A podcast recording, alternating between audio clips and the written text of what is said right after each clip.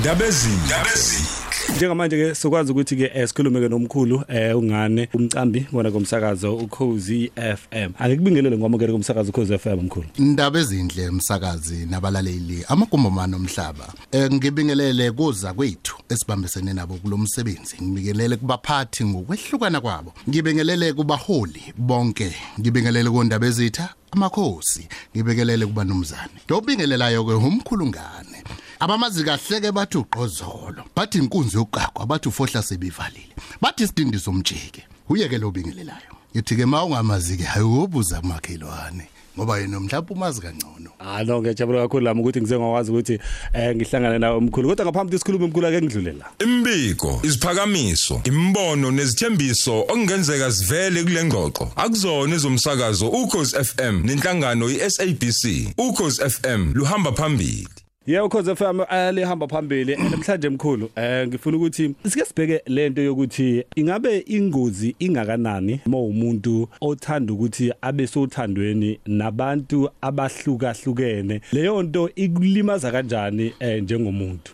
Eyo wathinta ihloko esibaluleke kakhulu umsakazi. Wathinta lesihloko kuyinyanga yembokodwe kuyinyanga yomama. Yeah.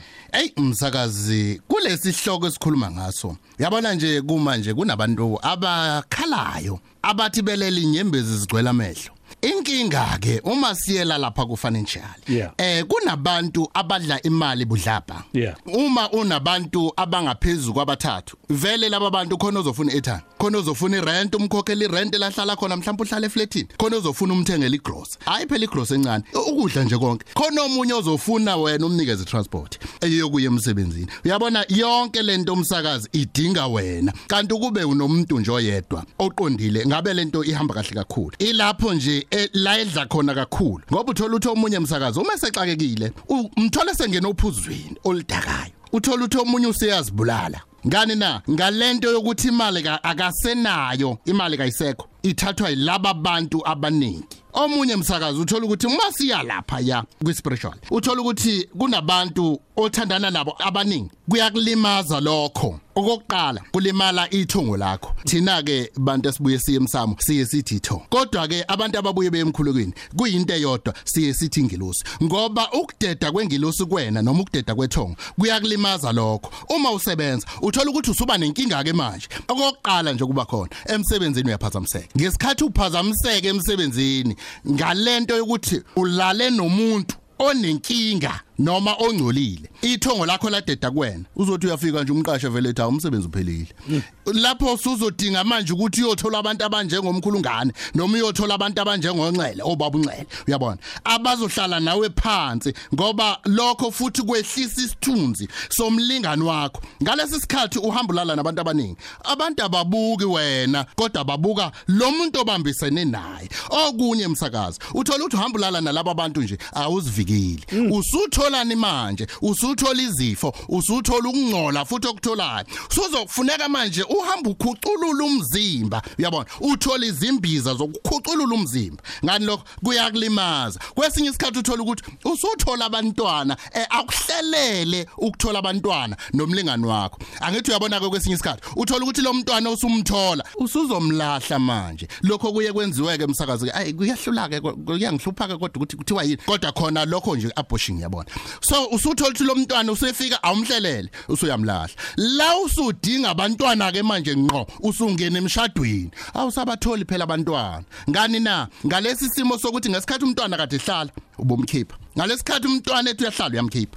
Lokho futhi uthola ukuthi nalabo abantwana kozobathola sebeba nezinkinga ke manje. Bayafunda mabeqeda ukufunda abasayithola umsebenzi. Omunye akasawuthola umshado. Uvinjelwa yini na? Uvinjelwa yilabo abantwana asebadlula emhlabeni. Bathole ke bevimba izinto zakhe. Ingakho ke emsakazi uthola ukuthi umuntu uba nezinkinga eziningi uma enabantu abangaphezulu kwababili noma yedwa Ngiyethemba ukuthi njengoba kuyinyanga yabantu besifazane eh umuntu wesifazane olalele njengamanje mhlasimbe nayo shaya nga 2 nga 3 nga 4 othi lona owe airtime lona eh oka petrol lona owemali useyezwa manje ukuthi yonke lento eyenzakalayo ayikho nje ngalendlela neyicabangayo ijule kangakanani. Ijulile emsakazi iyalimaza futhi imsakazi lento ngoba uthola ukuthi kwesinye isikhathi ngicolisa ukubeka lokhu. Kodwa kufanele ngikubeke. Uma usungena ophuzweni oludakayo ziningi izinto zenzayo ezingalungile.